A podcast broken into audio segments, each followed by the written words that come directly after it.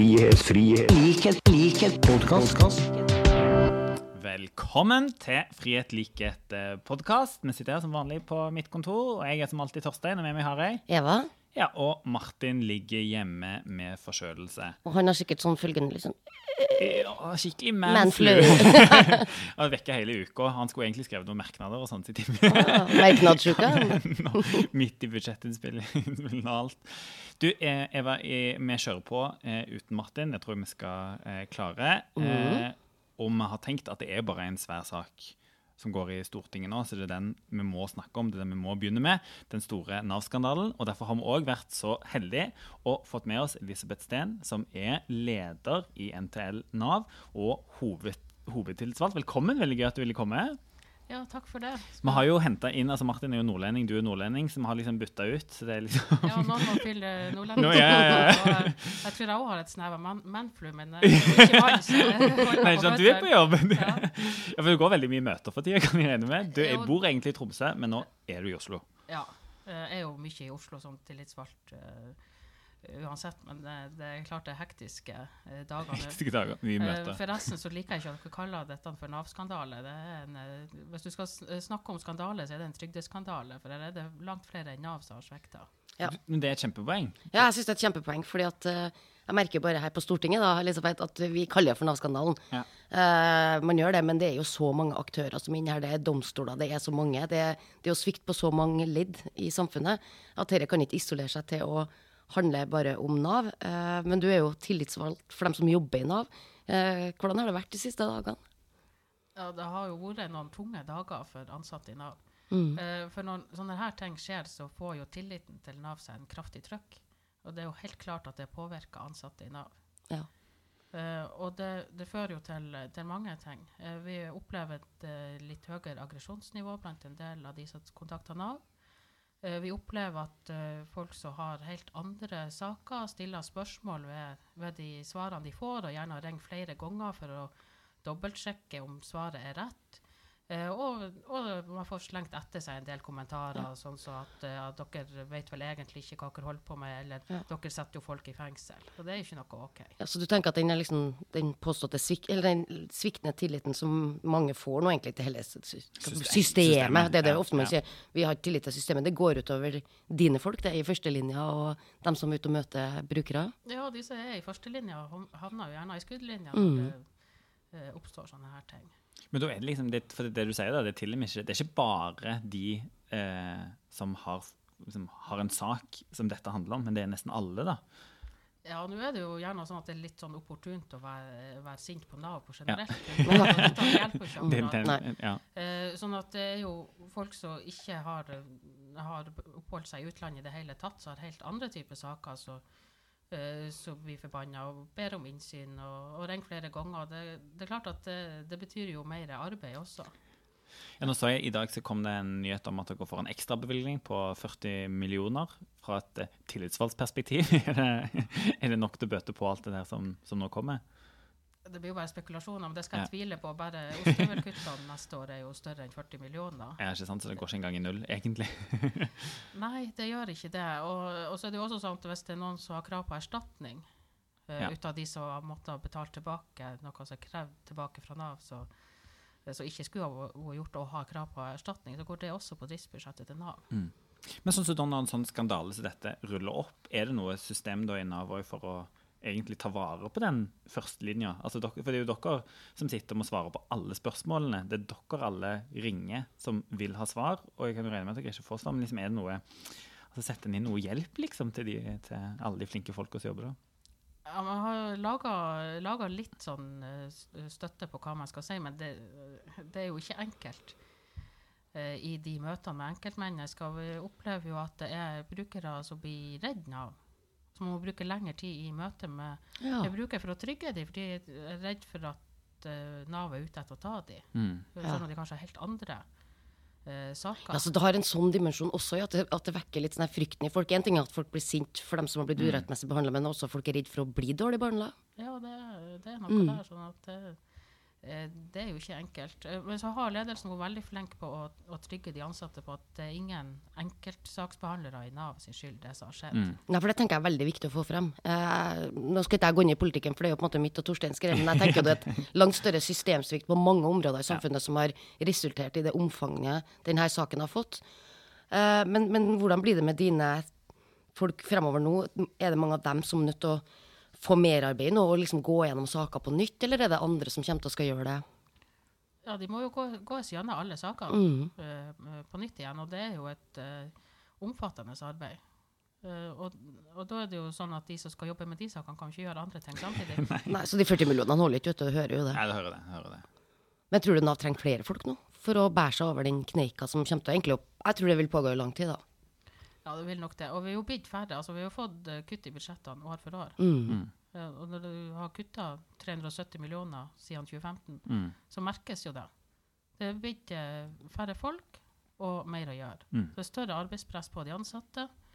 Og og det er jo de ansatte i Nav som må liksom, forklare myndighetene sin politikk. Vi har, har fra før av hatt mye eh, press på ansatte i Nav etter at det ble innstramminger i arbeidsavklaringspenger. Mm. Eh, Og det er jo et politisk spørsmål. Det har jo ikke noe med saksbehandlerne å gjøre. Det er jo ikke dem som sitter og nekter folk eh, Ja.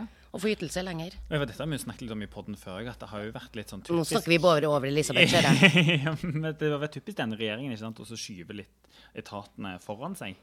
Og egentlig ikke ville liksom ta i, eller stå for politikken sjøl, men liksom skyve etatene foran seg. Så jeg, altså det, det du sier om at vi ikke skal kalle det Nav-skandalen, det tenker jeg er litt, eh, litt viktig. At vi òg liksom passer på hvem er det liksom en peker på og gir ansvaret, for det er jo et politisk ansvar. Og systemansvar. Men bare spør meg, for det var interessant det du sier, for du sier dere har fått eh, færre folk.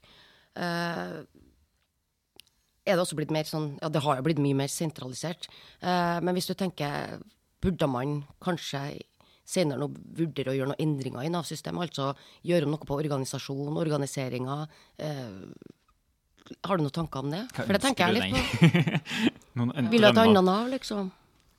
Ja, jeg tror kanskje ikke dette er tidspunktet for å, eh, for å snakke om det. Nå er tidspunktet for først og fremst å få rydda opp. Selvsagt. Eh, og det har jo vært faglige diskusjoner om det her i Nav tilbake til 2012. Mm. Eh, og var landa på den praksisen man gjorde, så har vist seg i etterkant at det var feil. Eh, men det har jo blitt bekrefta av, av rettsvesenet, som har jo fulgt den samme praksisen. Ja. Uh, og, uh, og, sånn, og det er jo gjerne, gjerne sånn man jobber, altså med mer og mer press på at vi skal gjøre uh, mer for mindre. Mm. Så blir det mindre tid til å ta de faglige diskusjonene. Mm. Men sånn, eh, i det samme bildet, da, det, det som jeg har reagert litt på, er jo den utviklingen. Og Der en har måttet kutte mye stillinger, har jo også gått veldig utover sånn åpningstid. Og det å faktisk kunne møte etaten, at det er, liksom, at det er åpent. Nå må en jo egentlig liksom ringe inn. Hvordan tenker du liksom fra, fra, fra deres perspektiv at den, den endringen der, med at det nå liksom, det er mer stengte dører, det er mindre sånn ansikt til ansikt, det er mer på telefon tenker til meg at det er lettere jeg synes i hvert fall det selv, det er lettere å skrike til noen når du sitter i telefonen, ikke ansikt til ansikt. Vanskelig å forklare, kanskje. Ja, eh, det er jo ei, ei utvikling vi har hatt over tid. Mm. Eh, Nå viste det seg at det er jo mange som gjerne vil kunne ordne opp i ting sjøl på internett, så det å holde på med digitalisering er jo lurt. Mm. Eh, og, og hvis man kan løse ting på telefon, så er det også fint, men der er jo fortsatt mange av Nav sine brukere som har behov for å, å møte opp eh, fysisk på Nav-kontoret. Mm. Ikke god, altså, og da skal du helst ha en, ha en timeavtale, og, og det er veldig fint, for da kan vi planlegge møtene. Men det, det er ikke alle mennesker det passer for. Sånn at, og det å være der for de, de som eh, har problemer med å klare å skaffe seg en timeavtale, til og med, Mm. eh, det er jo eh, noe av det viktigste med, eh, med Nav, er at vi skal være der for å hjelpe de som Mm. trenger det aller mest. Mm. Eh, så det er jo noen perspektiver å ha med seg. Ja, det der synes jeg er kjempeviktig. og for grunnen til at jeg tenkte litt på at jeg så bare, Det var en dame som hadde skrevet på Facebook, som noen hadde liksom eh, eh, delt. og Det, det, det underbygger også bare det du sier om at dette er en sak som kommer til å vare lenge. For hun hadde prøvd å ringe til Nav nå for å få en, et spørsmål, en unnskyldning, om hennes bror, som hadde blitt dømt for dette, men som nå er død. Og hun ville jo ha en, på en måte en slags hva skal si, en unnskyldning da, for hans ettermæle på dette, men det hadde jo da blitt et litt sånn generisk svar, da, hvert sånn som hun gjentok det på Facebook da, fra, eh, fra Nav. For det, er- altså, det er så mye nå som Ja, men Da sier det litt om hvor krevende det er å jobbe ut der, da. Uh, men så tenker jeg det er viktig å understreke det som Elisabeth sier i forhold til dem som jobber i Nav. Og du gjør jo, hvis noen forteller deg at du skal tolke et regelverk på en måte, så gjør jo det. Mm. Hvis jeg er blitt fortalt at sånn skal du anvende den loven, eller det se på det regelverket, så gjør du jo det. Mm. Også, det, det er jo den samme type tabben vi har gjort politisk òg. Vi har jo fått de samme type Ja, vi, vi har jo trodd at ting, har- ting har vært såre vel. ja, ja. Uh, og, måte, og vi har jo virkelig ikke liksom, Vi har skjønt at det har vært en diskusjon rundt det med trygdeeksport, og at uh, har jo hørt om noen problemstillinger rundt dette før, men ikke sånn som det har kommet frem nå, nei. Eva, det var veldig gøy å ha besøk av eh, Elisabeth. Du, Og så har vi sett da at Kirsti Bergstø i SV var raskere på labben og inviterte deg til, til sin pod. Så bare et helt uh, hypotetisk spørsmål. Hvem var, hvem- var det gøyeste å være? Vi skal slippe å svare. De er så smarte og diplomatiske. Men Elisabeth, det var veldig gøy at du hadde lyst til å, eh, å komme. Hadde tid i den travle tida som du òg er, til å komme her og snakke om, om denne viktige saken. Så tusen takk for besøket. Ja, det skulle bare mangle. Jeg skulle gjerne ha det hyggeligere anledning. ja, ikke sant? Du får komme tilbake når det er gladere tida. Frihet, frihet, likhet, likhet, podkast. Ja, Eva. Det var veldig gøy å ha besøk av eh, Elisabeth. Ja, hun har en krevende jobb om dagen. og jeg skjønner at hun ikke kan liksom gå inn i alt eh, det politiske eh, som ligger i, Stortinget, for det er jo mye dramatikk eh, Veldig her i mye bygget. dramatikk. Men Ja. politikk, Ja. det kan vi snakke om. Det kan vi snakke Og det må vi snakke om. Nå skal vi faktisk veldig veldig snart opp i stortingssalen. Der skal det vedtas at Ja. du får saken i ditt fang. Ja, øh, Kontrollkomiteen Ja, det blir nok vedtatt at kontrollkomiteen skal ha den eh, saken, altså Mm. den redegjørelsen som Anniken Hauglie holdt i Stortinget. Mm. Det er liksom den som skal gi, gis videre til behandling. Men det er jo eh, litt av et kaos, dette. Utrolig mye saker, utrolig mye påstander, utrolig mange årstall, tolkninger og meninger eh, om dette. Hvordan skal dere klare å skaffe dere oversikt og eh, ja, få et oversikt over saken? Du selv, Har du oversikt? Hva er saken, liksom? Ja, eh, det har blitt skrevet ganske mye, og når eh, Anniken Hauglie hadde den pressekonferansen, så gikk hun jo ganske kraftig inn i saken, og så har det jo vært redegjørelse, og så har media egentlig vært veldig dyktige til å greie frem enkelthistorier, sånn at historien får de ansiktene den fortjener, altså hvilke folk er som har blitt ramma av det her. Eh, Men det er jo da en feiltolkning av en EØS- eller EU-forordning eh, som har blitt tolka feil. Og forholdet mellom EØS og folketrygdloven, Ja. som er den norske loven om Ja, trygd eh, hvor eh, man har lagt til grunn at folketrygdloven har ligget over, eh, eller lagt den til grunn da, i stedet for eh, EU sine føringer, eh, som vi faktisk er bundet av. Og så har det vært en tolkningsfeil som har gjort det at folk har blitt da eh, dømt eller måtte betale tilbake penger fordi at man har tatt med seg eh, en stønad eh, ut, eh, utenlands, altså i et EØS-land. Mm. du, det er jo ikke lov hvis du reiser til utenfor EØS-området, eh, men innenfor EØS-området så mener man da at regelverket via EU er klart. da. Mm. Ja, La oss snakke litt om det der først. fordi Det har jo vært et sånn enormt jag på å ta disse trygdesvindlerne. Mm. Alle partier har egentlig liksom vært, eh, vært, eh, vært med Ja, på det Ja, det. har jo vært en konkurranse mener jeg, sånn lenge i Norge om at eh, det er veldig viktig at folk, hvis du er, mottar en trygd, at da skal du være i Norge, du skal gå omtrent daglig på arbeidskontoret. Nei, det eksisterer ikke sånn lenger, da, men, uh, ja, men du skjønner det. At det. det er en sånn oppfatning uh, at du skal ikke kunne dra utenlands. Og, og så har det blitt også veldig sånn politisk spørsmål om å være strengest. Mm. At liksom er du sykemeldt over en tid, eller at du går på en eller annen stønad, så skal ikke du få muligheten til å bli Mm. med familien på den helgeturen de hadde planlagt til fotballcupen eh, i Danacup, liksom, fordi at du faktisk mottar en stønad. For det er jo litt sånne utslag det har. Mm. Eh, er ingen som er for at folk skal ta med seg trygda og sitte på en bar i Spania. Liksom, det, det har noe med rettsfølelsen vår. Mm, Det er jo det vi snakker om her. Eh, men det er folk som har vært besøkt. Ja, familie. ja. Som har kanskje rett og slett vært litt strenge, eller liksom det har blitt en sånn veldig galopp mot Ja. At, Mot øh, jeg tror man liksom har tenkt at alt er trygdesvindel, og vi vet jo at i ethvert system så vil jo være folk som snylter på systemet. Mm. Uh, som vil det alltid være.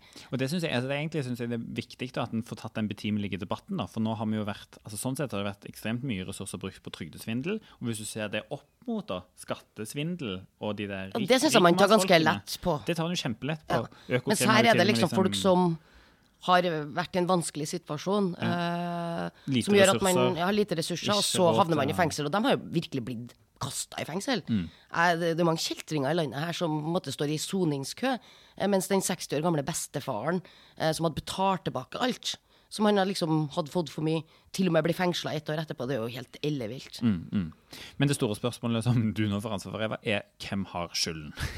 Ja, Det som er kontrollkomiteen sin oppgave i Stortinget, er jo å være Stortinget sitt eh, organ til å passe på regjeringa. Eh, at regjeringa gjør det den har sagt, og at vedtakene eh, som er fatta i Stortinget, blir fulgt opp. Eh, og at man har Det er jo eh, faktisk litt, nesten litt demokratiopplæring her til alle Ja. poddens ly- lyttere. Det er jo en av Stortingets tre viktige oppgaver. Vi vedtar lover, lager budsjett og kontrollerer regjeringen. Ja, og, og det er jo det som kontrollkomiteen har et særskilt ansvar for. Eh, å legge til rette for at Stortinget skal få gjort den jobben. Eh, og det vi må nødt til å gå gjennom, er jo den selve redegjørelsen Anniken Hauglie holdt. altså Der viser at det er masse korrespondanse. Jeg har laga meg ei tidslinje som Torstein her kan se. eh, tilbake til 2017. Ja, ja, ja, ja, Eh, altså kunne ha tatt den helt tilbake til 2018, når måte denne forordninga ble innlemma. den er ikke lagt digitalt. den er lagt på Nei, kilde. nei, nei, nei det, har det er faktisk et veldig godt poeng. Jeg jeg skrev med penn. Eh, Men den tidslinja mi er jo ut ifra den redegjørelsen hun holdt, da, som går tilbake til juni 2017, hvor Trygderetten begynte å klage på Nav. Uh, fram til at eh, Nav begynner å sende varsler inn til direktoratet. Og liksom når begynte direktoratet å varsle til departementet, altså inn mot statsråden og regjeringa. Så det er den tidslinja jeg driver og går gjennom uh, nå, eller har gjort og kikka liksom spesielt på i dag.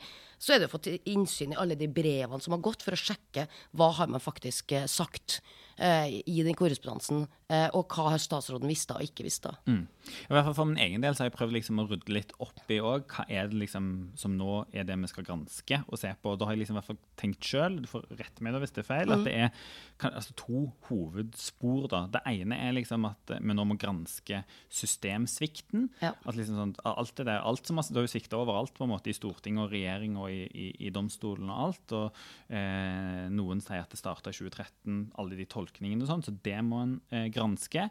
Også i tillegg da, så må en granske hva det, det politiske ansvaret. Hva Ja. gjorde da sittende statsråd og sittende Ja. regjering når de fikk vite dette? Det er litt den tidslinjen som du drar opp, eh, drar opp nå. Sånn, hvem fikk vite ting når, Mm. og hva gjorde en da? Og det, ja, igjen, sant, det, det er de spørsmålene om tillit og alt sånt. Da. Ja, for alt om tillit det ligger jo i det siste du tar opp. Det med hva har Stortinget fått lov å vite av statsråden, hva har hun visst av sjøl?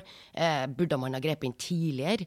Eh, sant? Burde stoppa ting, f.eks. Burde- jo ja, at det er liksom rettssaker som har fått lov til å som i min tidslinje her, da, så er det liksom der i, i februar da, i år, Uh, og det er nå noen måneder siden det, eh, så på en måte erkjenner man i departementet at herre, nå har vi virkelig skjønt det. Vi, vi har tolka regelverket feil. Men likevel så fortsatte man jo å kreve inn penger fra folk, bure inn folk. Siste dom var i april. Ikke sant? Ja. Eh, sånn at eh, det, det, det ligger mye der. Men det andre du tar opp sant? Det er mange involverte her. Det er jo ikke bare Nav og på en måte departementet ja, og direktoratet som har noe mer her å gjøre. Det er domstolene en del av det. Det Mm. er kanskje et helt sånn der systemsvikt på mange områder. Jeg tror, jeg, Eh, jeg tror faktisk aldri jeg har sett så ydmyke advokater som i denne runden. Ja, altså både tiltale og liksom sånn forsvarsadvokater som har sagt at dette burde vi kanskje egentlig ha skjønt, ja. ha sett og Ja. skjønt. Og, ja. Men man har tatt litt lett for det, for man har Ja. lagt uh, regeltolkninga til grunn. At Mm. nei, sånn skal loven forstås. Sånn, sånn er det. Eh, og så har man bare tatt det for gitt, og så har man ikke engang vært i stand til å forsvare folk som har blitt Mm. begått urett mot. Eh, så det er jo svikt på alle mulige områder. Og det tenker jeg er mat for en granskningskommisjon. For det kan ikke Stortinget Mm. drive og granske. Ja, men det er jo alvorlig. det, er sånn, det er Eh, sånn som å ha liksom, det Scandinavian Star og Kielland-ulykken. Altså det, der- Ja, det- man har jo sånn noen liksom kommisjoner, så er det jo sånn ulike typer. Om det er Stortinget som setter ned en kommisjon, eller om det er regjeringa som setter ned et granskningsutvalg. Så får vi noe, liksom, det, det er noen ulike varianter, men uansett da, så skal jo saken her granskes grundig, og man må nødt til å gjøre det. Mm. Um, og så må Stortinget ta da sin del gjennom kontrollkomiteen, som handler om uh, egentlig statsråden, statsråden og regjeringa sitt ansvar oppi det hele. Men sånn i, i den prosessen øh, klarer vi å passe på folka? For her er det jo utrolig mange som har blitt, uh, blitt utsatt for, eh, for dette. Kommer det til å ta så lang tid, liksom, at, eh, at eh, Folk ikke dør får- mens de venter på å få tilbake pengene. Ikke sant, få tilbake penger, Ja. bare få unnskyldninger. Det er jo òg viktig for mye folk som har blitt egentlig hengt ut Ja. og satt i fengsel for å ha svindla fellesskapet. Ja, nå hørte jo Anniken Hauglie i Stortinget ba jo sånn veldig unnskyldning. om unnskyldning. Ja.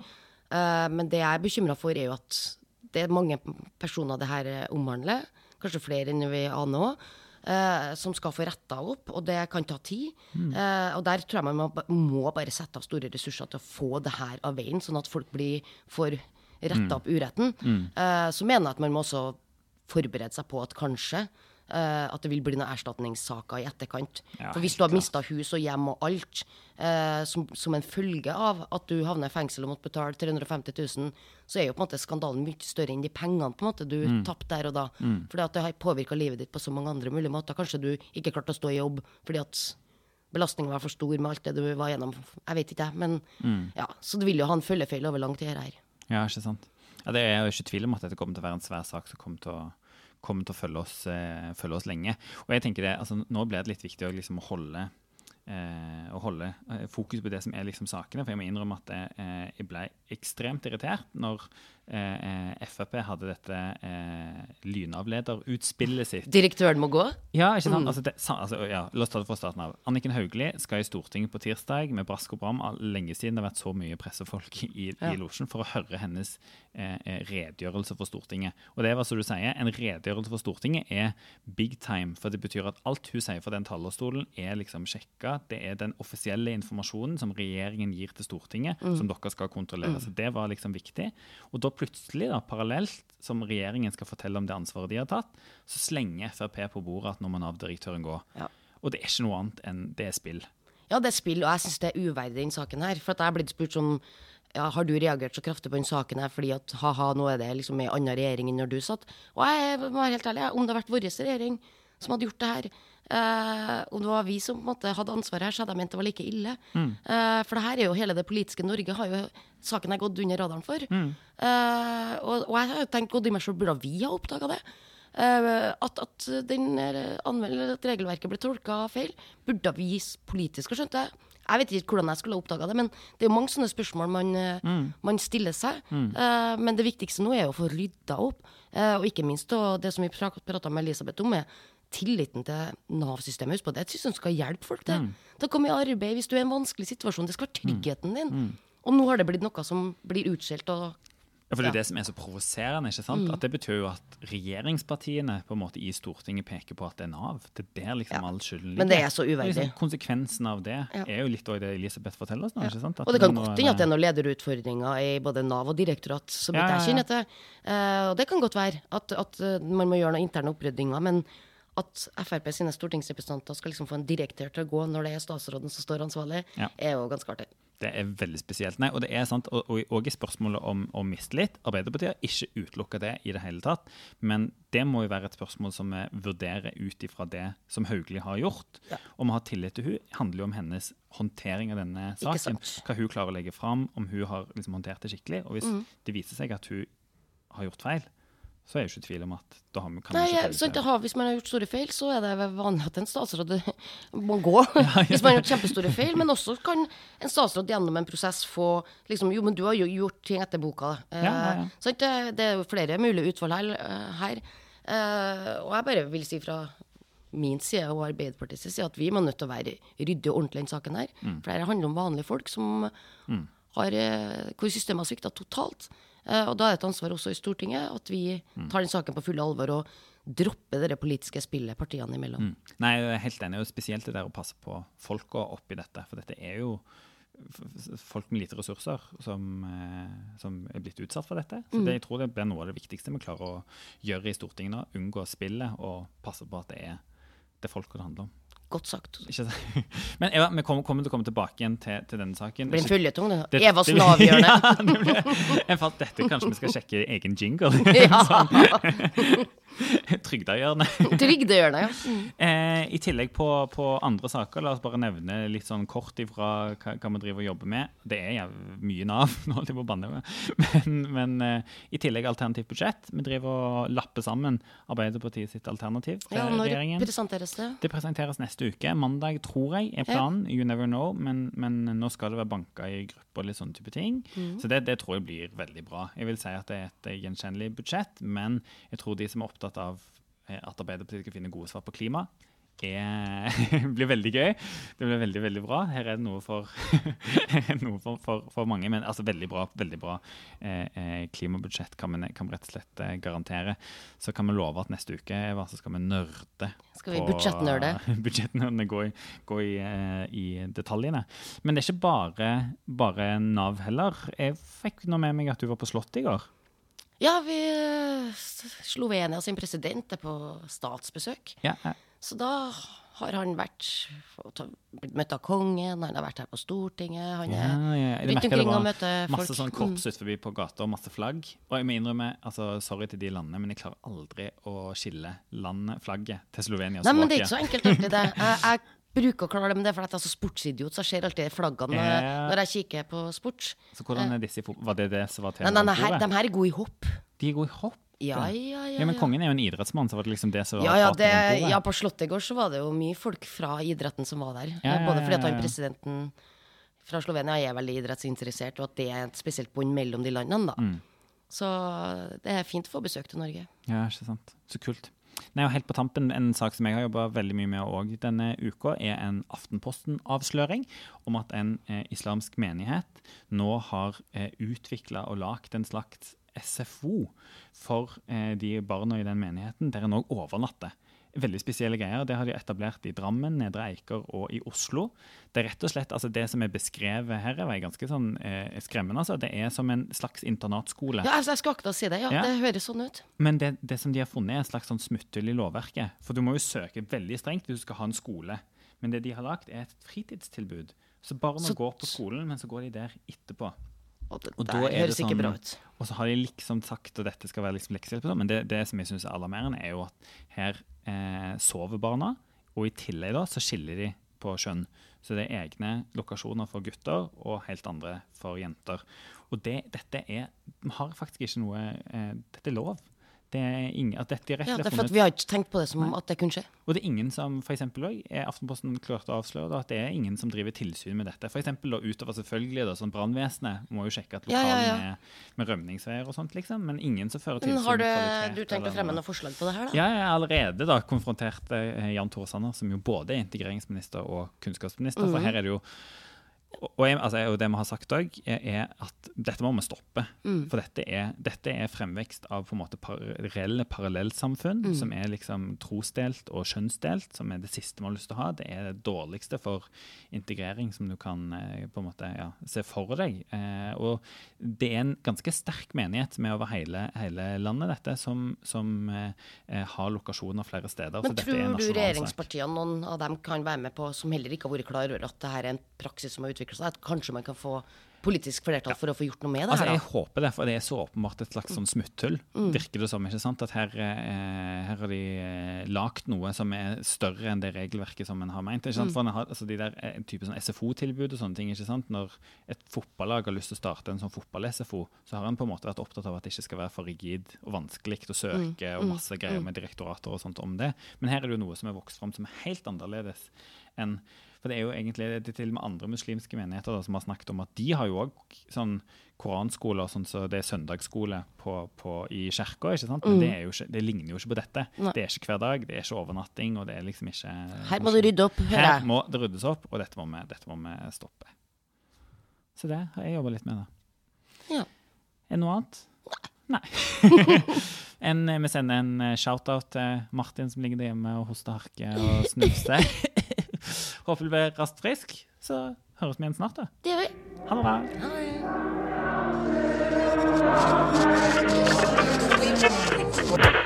Frihet, frihet, likhet, likhet, podkast.